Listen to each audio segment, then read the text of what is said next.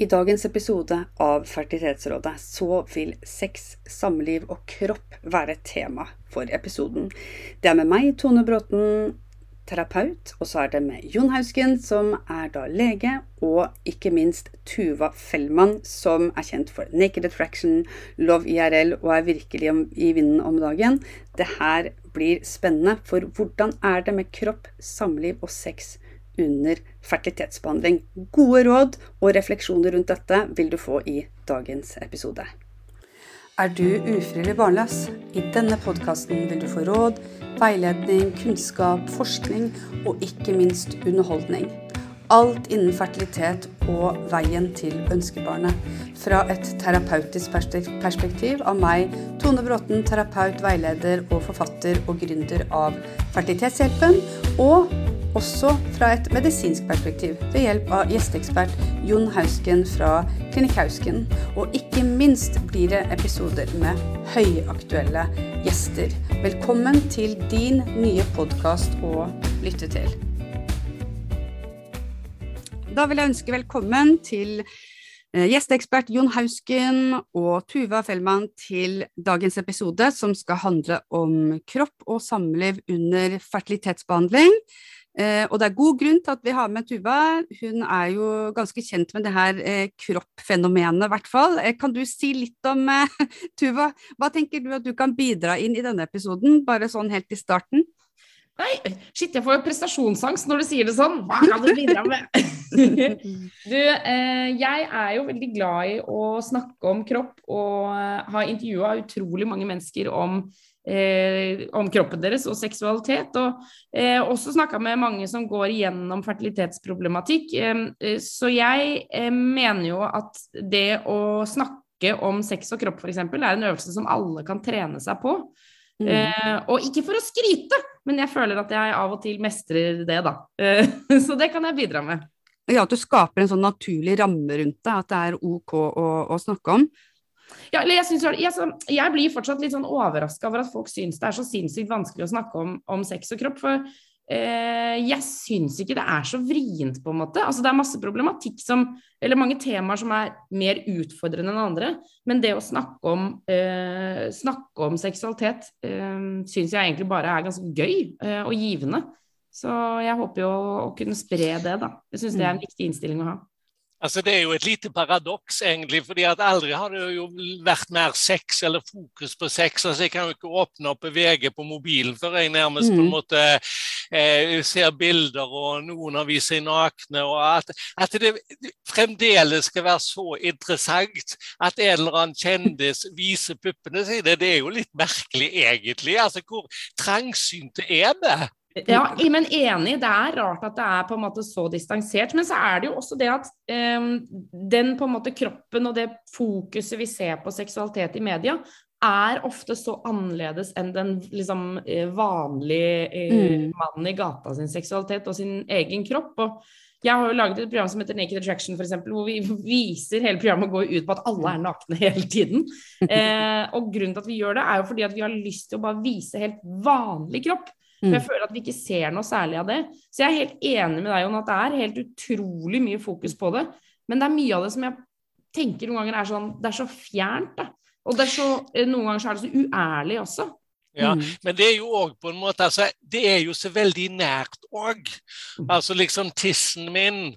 Altså det er, det er jo liksom det, mest personlige jeg har, på en måte. Det er liksom ikke sånn som du har lyst til å dele med alle heller, kanskje. Altså, ikke føler du deg så jævlig sexy heller, kanskje. Så jeg, jeg skjønner det. Jeg skjønner det. Jeg har, til, jeg har lyst til å dra det inn i den her uh, fertilitetsrammen, da, uh, det vi skal snakke om. Fordi jeg merker også med meg sjøl når jeg sitter med par, uh, så sier jeg ofte ja, men når dere prøvde hjemme, Altså, før dere kom inn i fertilitetsbehandling, så prøv, prøvde dere hjemme. Og så tenkte jeg, hvorfor sier jeg det? Hvorfor sier jeg ikke bare ja, men når dere, når dere hadde sex hjemme for å få barn? Ja. Ja. Det, det, er et eller annet som stopper meg i det. Og det, jeg er egentlig ganske sånn åpenhjertig, jeg og kan prate om det meste, men eh, det blir litt sånn Hvis vi tar det inn i den rammen her av fertilitetsbehandling. Vi har da veldig mange par som tar kontakt med klinikken. De har prøvd hjemme, nå sier jeg det igjen, eh, få barn en stund, eh, og så blir det vanskelig. Og så vil jeg bare ta fram det kropp kroppaspektet, fordi det blir sånn Og kroppen min eh, presterer ikke, eh, kroppen min får det ikke til, eh, jeg blir, jeg blir ikke eh, gravid. Kan ikke vi snakke litt om det, for det er faktisk litt sånn i hvert fall vi kvinner kan angripe oss sjøl mye, at det liksom er vår feil, det må være eggene mine, det må være hinna mi, det det må være livmor, det må være meg. Mens få menn opplever jeg kanskje tenker på den måten. Eh, hva tenker dere om det? Jeg, jeg, tror det er en eh, greie som vi gjør alle sammen. Eller vi er liksom ganske raske på å på en måte ta det over i oss selv. Og, og særlig det med at det må være min skyld. Um, mm. Jeg tror at uh, kanskje spesielt kvinner uh, kjenner veldig fort på den. Uh, men jeg tror også Jeg vet ikke, det er jo dere som treffer disse folka flest, da, men jeg har også snakka med en del menn som når man begynner å snakke om f.eks. sperm, da, eh, og eh, hvis det er spørsmål om om det er for dårlig svømmer, eller hvordan man enn sier det, så går det også ganske hardt utover selvtilliten.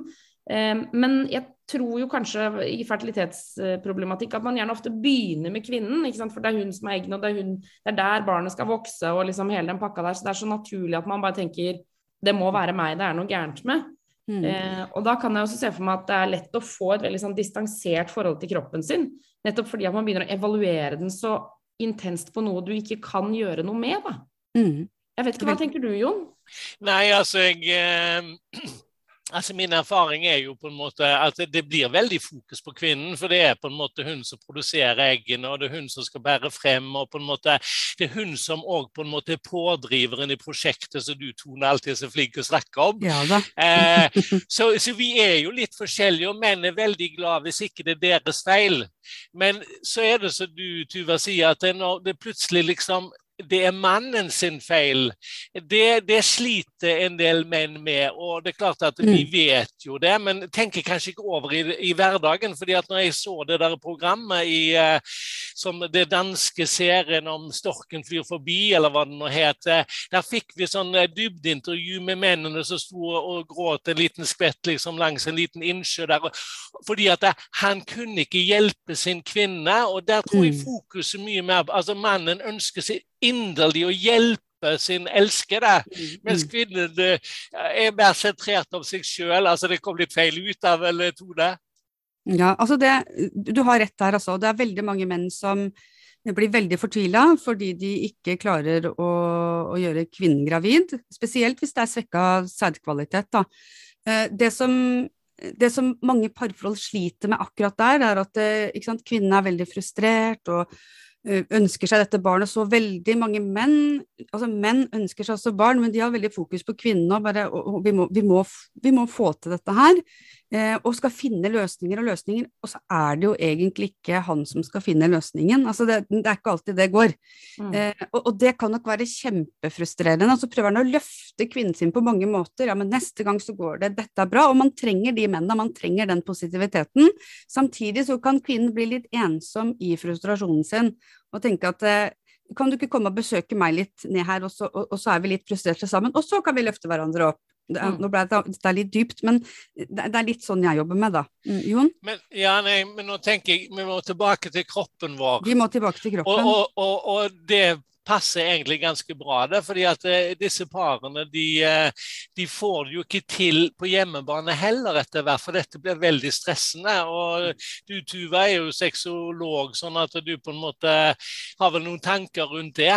Mm. Ja, jeg tenker jo at det er en eh, kjempeutfordring Eh, eh, at eh, det er en kjempeutfordring at man blir så fokusert på én ting når man skal ha sex. At denne sexen skal bli til et barn. Og dermed så blir på en måte sex en ting som kanskje går fra å være noe hyggelig og noe deilig og noe fint man skal gjøre sammen, til å bare bli sånn Nå skal det skje. Og eh, særlig disse appene med eggløsning og bare Det er nå, det er disse 20 minuttene som gjelder. Løp hjem mm. fra jobb, nå skal vi ligge, liksom så er det klart at det kan jo gjøre at sexen bare blir så mekanisk og eh, følelsesløs, på en måte, da. Mm. Eh, og det tror jeg er litt sånn viktig å snakke om i forkant også, at, det, at den utfordringen kan komme. Det som, er, det som jeg må bare skyte inn der, for det, det, gjør at mange par opplever det som en lettelse å komme i fertilitetsbehandling, faktisk. Mm. Eh, hvor på en måte det er klinikken ja. som på en måte tar ansvar for at ok, nå er det eggløsning da, nå er det medisinering osv. Så, videre. så noen kan føle litt sånn lettelse og liksom ta dette barneprosjektet fra sine skuldre, har følt et veldig stort ansvar, og så tenker ok, nå har jeg spesialister som kan hjelpe meg. Så for mange par så er det faktisk en lettelse. Og for andre par igjen så kan det være litt skummelt, selvfølgelig. Men da kommer det et nytt aspekt, for da er det hormoner, og da er det humørsvingninger. Og da er det kanskje ikke du får trent så like mye som før. Altså da, da kommer det jo andre ting igjen som påvirker det her med kroppen, da. Og da, Det er så interessant, Jon, jeg må spørre deg, for jeg hadde, hadde, et eh, par i forrige uke, så sier hun at jeg har hørt at de hormonene ikke kommer til å påvirke meg i det hele tatt. Hva vil du si til det? Jeg ville jo sagt Jeg ville vel sagt ja nei, men jeg syns det er veldig spennende egentlig med kvinnene og hormoner. fordi at det, eh, i, i, læreboken så står det nesten kanskje at det ikke skal påvirkes veldig mye. Men altså når jeg snakker med dem, så er det tydelig at det påvirker. Og du snakker om hormontroll, og noen blir jo det. sånn at eh, mm. østrogener bl.a. Er, jo, er jo det som forlikkel, eller eggposen, produserer. Og til vanlig så produserer vi ett egg til eggløsning, men nå kommer det kanskje 20 20. Så du har altså 20 ganger høyere østrogendose i kroppen. Og kroppen påvirker alle celler, og oppi hjernen. Sånn at de, har, de er påvirka. Ja. Og der tenker jeg, Derfor har jeg lyst til å skyte inn at uh, hvis man skal gjennom den prosessen um, Sånn som jeg intervjua en gang en uh, kvinne som fortalte at hun var midt oppi den og bare full av hormoner og rett inn i uh, overgangsalder, og det var liksom Alt skjedde på en gang. Og så sa hun at en av de liksom største utfordringene for henne var at hun eh, ikke hadde fortalt det til noen.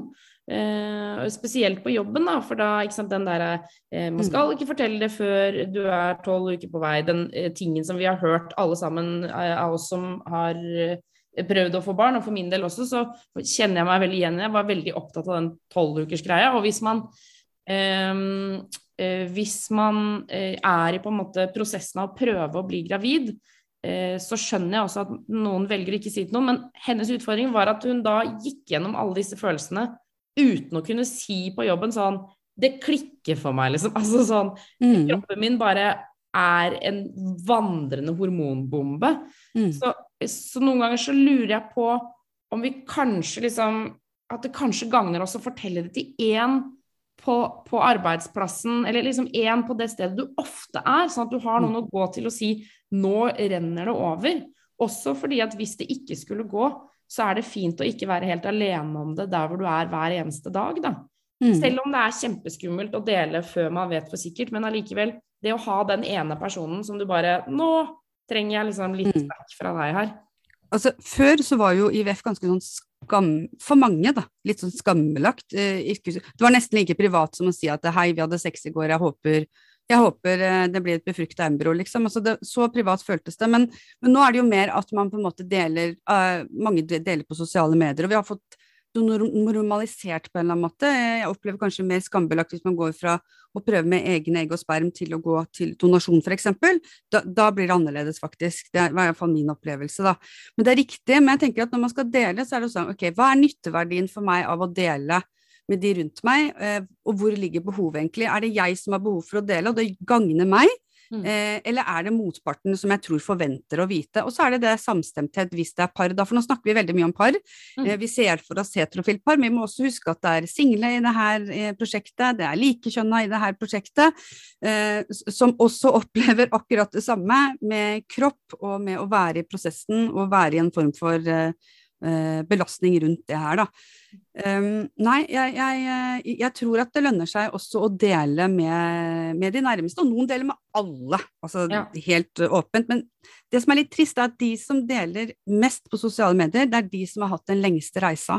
Og det gjør jo at mange tror at vet du hva, så lang reise som jeg har. For hvis du har et par som har vært gjennom ett eller to forsøk i VEF, så er det veldig, de, veldig sjelden de setter seg ned og deler reisa si på Instagram. Altså det, det, blir liksom ikke så nødvendig for dem, eller behovet er ikke der. Så de trenger kanskje ikke den heiagjengen som de som har vært gjennom en lang reise, trenger, da.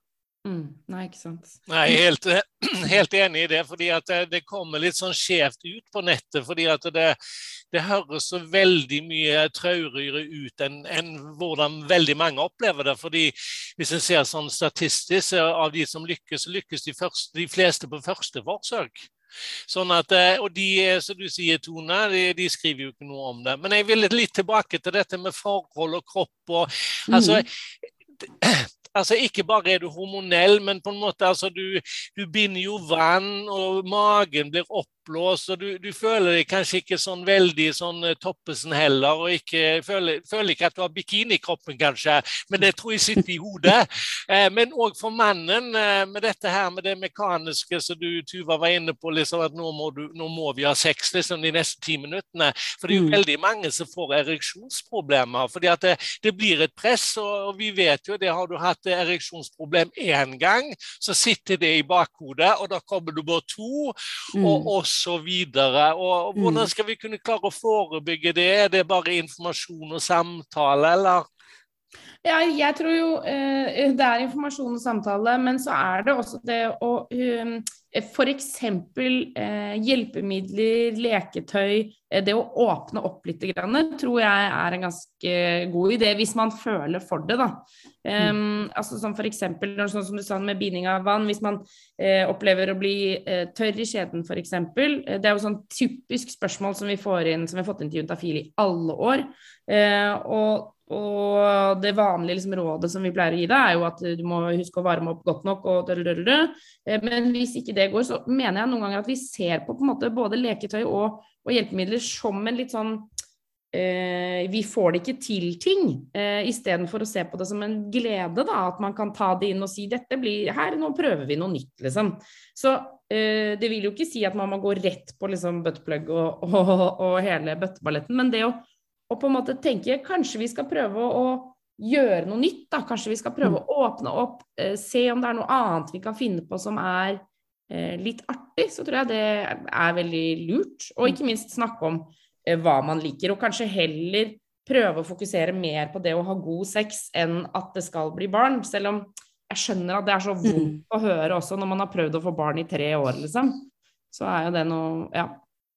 Jeg skal bare si det kort, det her med også å er det mindre sex en periode, det å ha aksept for det også. Altså, ok, eh, forholdet trenger ikke å være i en svær krise, eller trenger ikke å bli slutt selv om, selv, selv om sexen på en måte uteblir en periode. Fordi mange kvinner føler at spesielt uh, under behandling, uh, under stimulering osv., at vet du, nå så så er det liksom underlivet mitt til for å uh, være gjennom dette forsøket. Jeg klarer liksom ikke å, å tilby det til mannen min, f.eks., men det å finne andre måter, sånn som du sier òg, da. Andre måter å være intime på òg. Det tror jeg er kjempeviktig, å bevare den intimiteten i forholdet. Men jeg opplever virkelig at jeg har med sterke par å gjøre som tåler faktisk i perioder å ikke ha så mye sex, men ha et annet fokus, og likevel likevel komme nærmere hverandre igjen, for det her er situasjonsbestemt. Det er, en, det, det er noe som skal vare i en, en, kort periode, det skal ikke vare livet ut. Det her er liksom, ok, det, det, prosjektet er vi nå, hvordan håndterer vi det? Og alle finner sine strategier. Alle leter etter sine strategier, og en av dem kan være det du sier, Tuva, å komme med f.eks. leketøy. Da, hva, hva tenker du, Jon?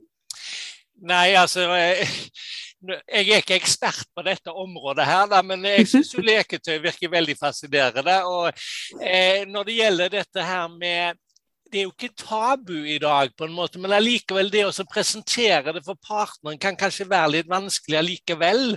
Fordi at 'Å, jeg var ikke god nok?' Altså Som mann, f.eks. Hvis eh, min kvinne kommer med større og større dildo, og på en måte, så liksom føler du kanskje litt ut, utilstrekkelig. Så jeg vet ikke, Er det det at det er vanskelig å på en måte meddele og, og dra partneren inn i det? At det òg er vanskelig å snakke, snakke om? Fordi at mm. jeg har damer som på en måte kanskje ikke er sånn superkåte måte i denne prosessen, altså nå de 20 minuttene, så blir det jo ikke sånn veldig oppgitt av det, egentlig.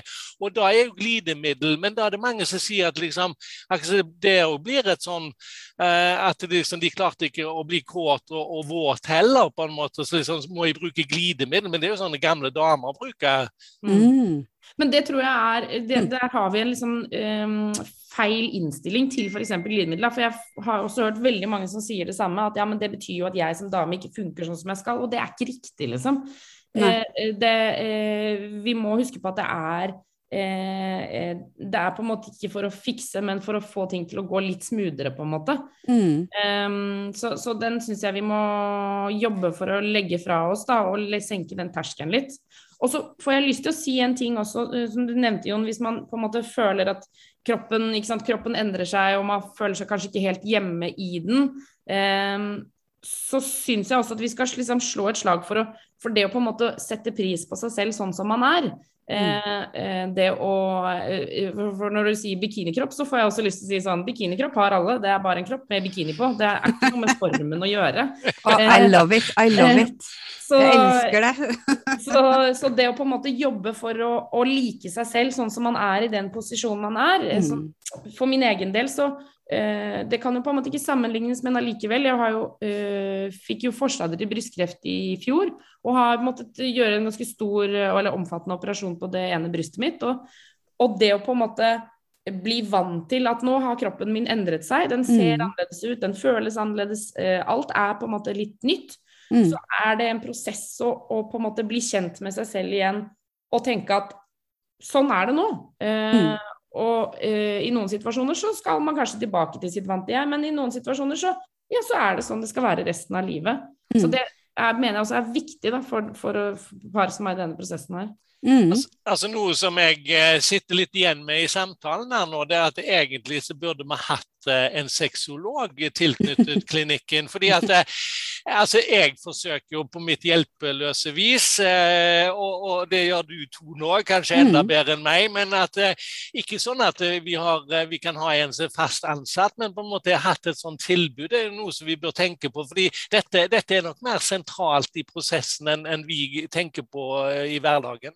Det er jo litt sånn Unnskyld? Nei, jeg, jeg, jeg, tror sexologer trengs uh, overalt. Ja. Så, så, det er veldig hyggelig for meg å bli invitert som gjest til dere. For uh, Eh, jeg mener at man trenger sexolog på skolen, uh, hos dere, i fengsel. Eh, man trenger det altså overalt. Sykehus. Mm. mm. Alle steder trenger en mm. sexolog som har med mennesker å gjøre.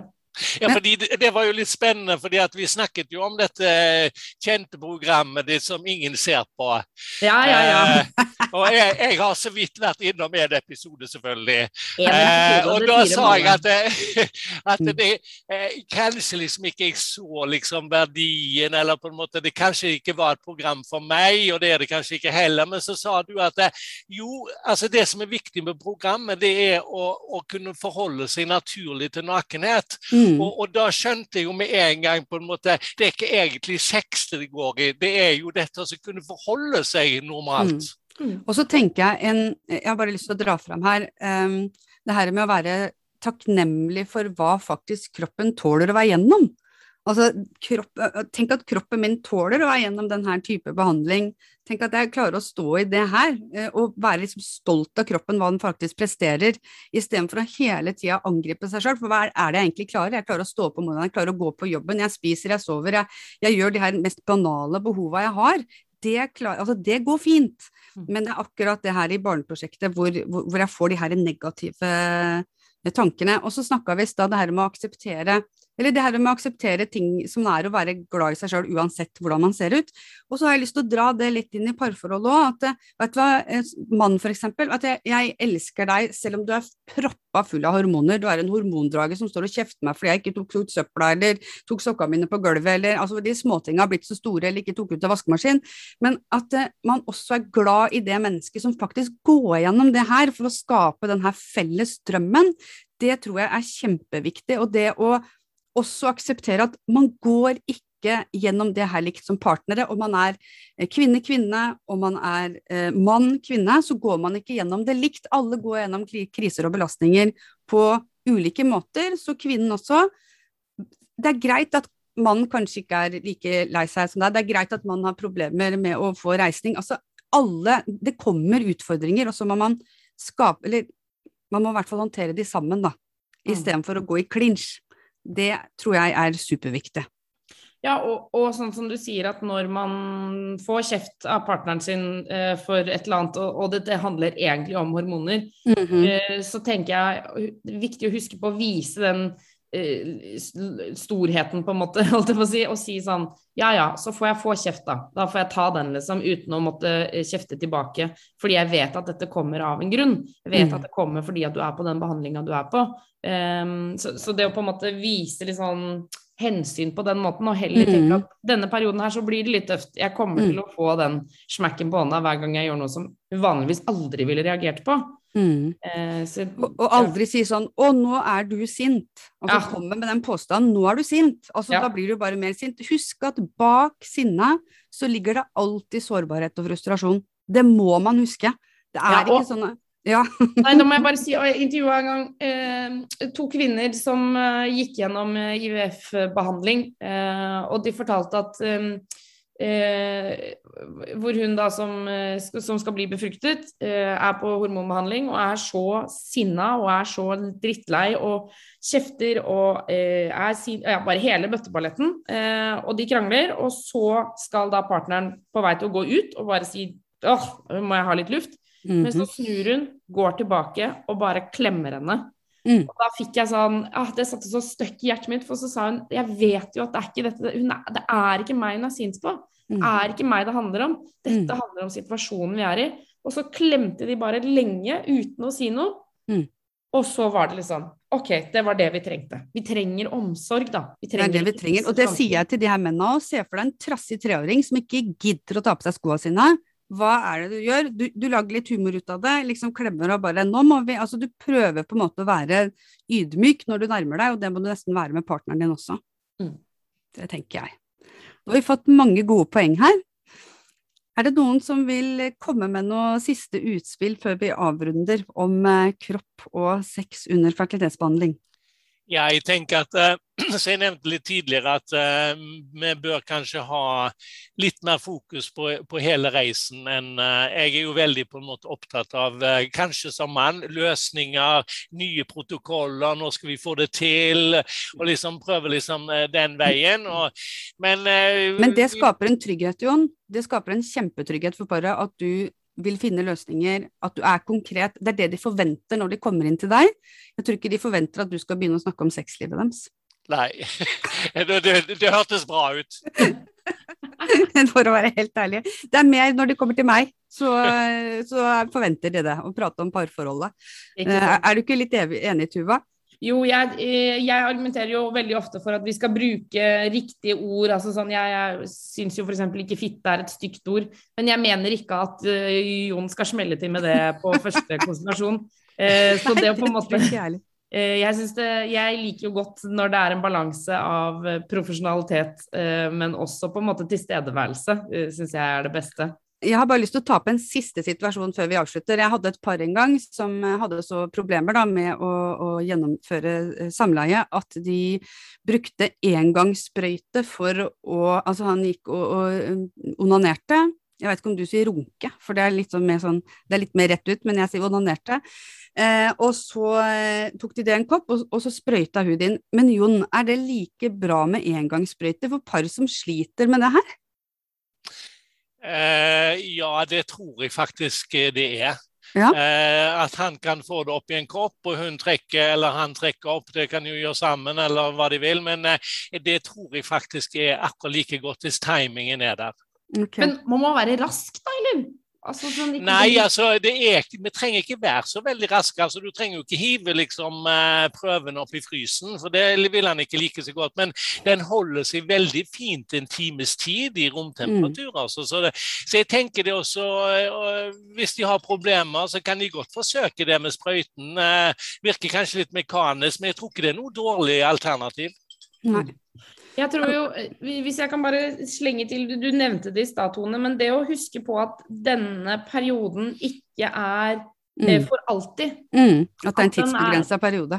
Ja, Mm. Og så er det ikke sikkert man vet uh, hvor lenge den skal vare. Mm. Uh, det er litt sånn som med korona, på en måte. At vi, hadde vi visst at den skulle vare så lenge, så er det ikke sikkert at vi hadde reagert så rolig i starten. Mm. Uh, men, men det å på en måte huske på at dette varer ikke for evig, vi skal Mm. ikke ha det sånn her for alltid, tror jeg er nyttig, da. Jeg tror det har kommet veldig nytt, mye nyttig ut av denne episoden, fra alle tre. Håper vi, selvfølgelig. Eh, da takker jeg deg, Tuva, og deg, Jon, for å være med i denne episoden, som kan kanskje normalisere tanker og følelser hos eh, fertilitetspasienter, men, eh, men også skape litt håp og glede og lekenhet, som kanskje man trenger inn i, i den prosessen her.